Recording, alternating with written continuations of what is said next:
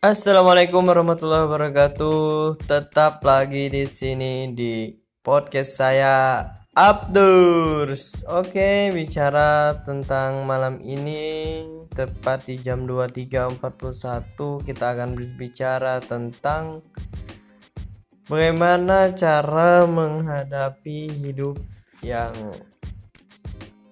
kita rasakan sendiri berada di zona nyaman. Zona nyaman itu apa sih? Apakah itu merupakan malapetaka bagi kita atau menjadi kesenangan? Baik guys kita bicara tentang zona nyaman. Biasanya zona nyaman itu teman-teman rasakan ketika teman-teman itu lagi suka males-malesan main HP tidur-tiduran ya termasuk ngebucin Ya, orang-orang buciter itu suka sekali di zona nyaman karena mereka hidup harus dengan pertama harus fashion dong. Orang-orang bucin itu biasanya menjaga fashion mereka, gaya mereka, glamor hidup mereka. Jadi ya bicara di zona nyaman, teman-teman tahu sendiri kalau kita sudah berada di kenyamanan pasti kita akan lupa sama yang lain. Nah, maksud dari zona nyaman itu ialah sebetulnya nggak salah tetapi gimana cara teman-teman bijak menghadapi zona nyaman itu sendiri? Nah sekarang kan dunia makin canggih tuh. Ketika teman-teman berada di zona nyaman usahakan zona nyaman teman-teman itu menghasilkan.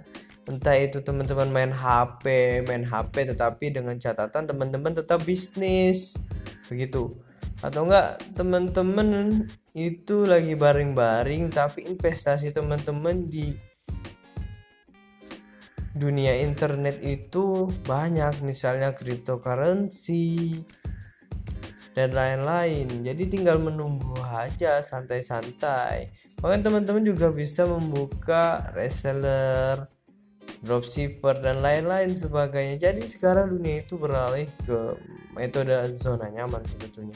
Tapi gimana kita cara menghadapi bijaklah dalam menghadapi zona nyaman itu sendiri. Jadi menurut saya zona nyaman itu tergantung daripada persepsi teman-teman menghadapi zona nyaman apabila zona nyaman teman-teman ketika tidur ya tidur aja. Ngapain ketika main HP ya. Main apa? Buka YouTube IG yang tidak bermanfaat. Bisa buka konten-konten. Ya maaf. Dalam tanda kutip konten panas begitu. Maka teman-teman akan terjebak di dunia yang begitu menyeramkan. Karena hanya ada dua. Kalau teman-teman itu bersemangat, kuat,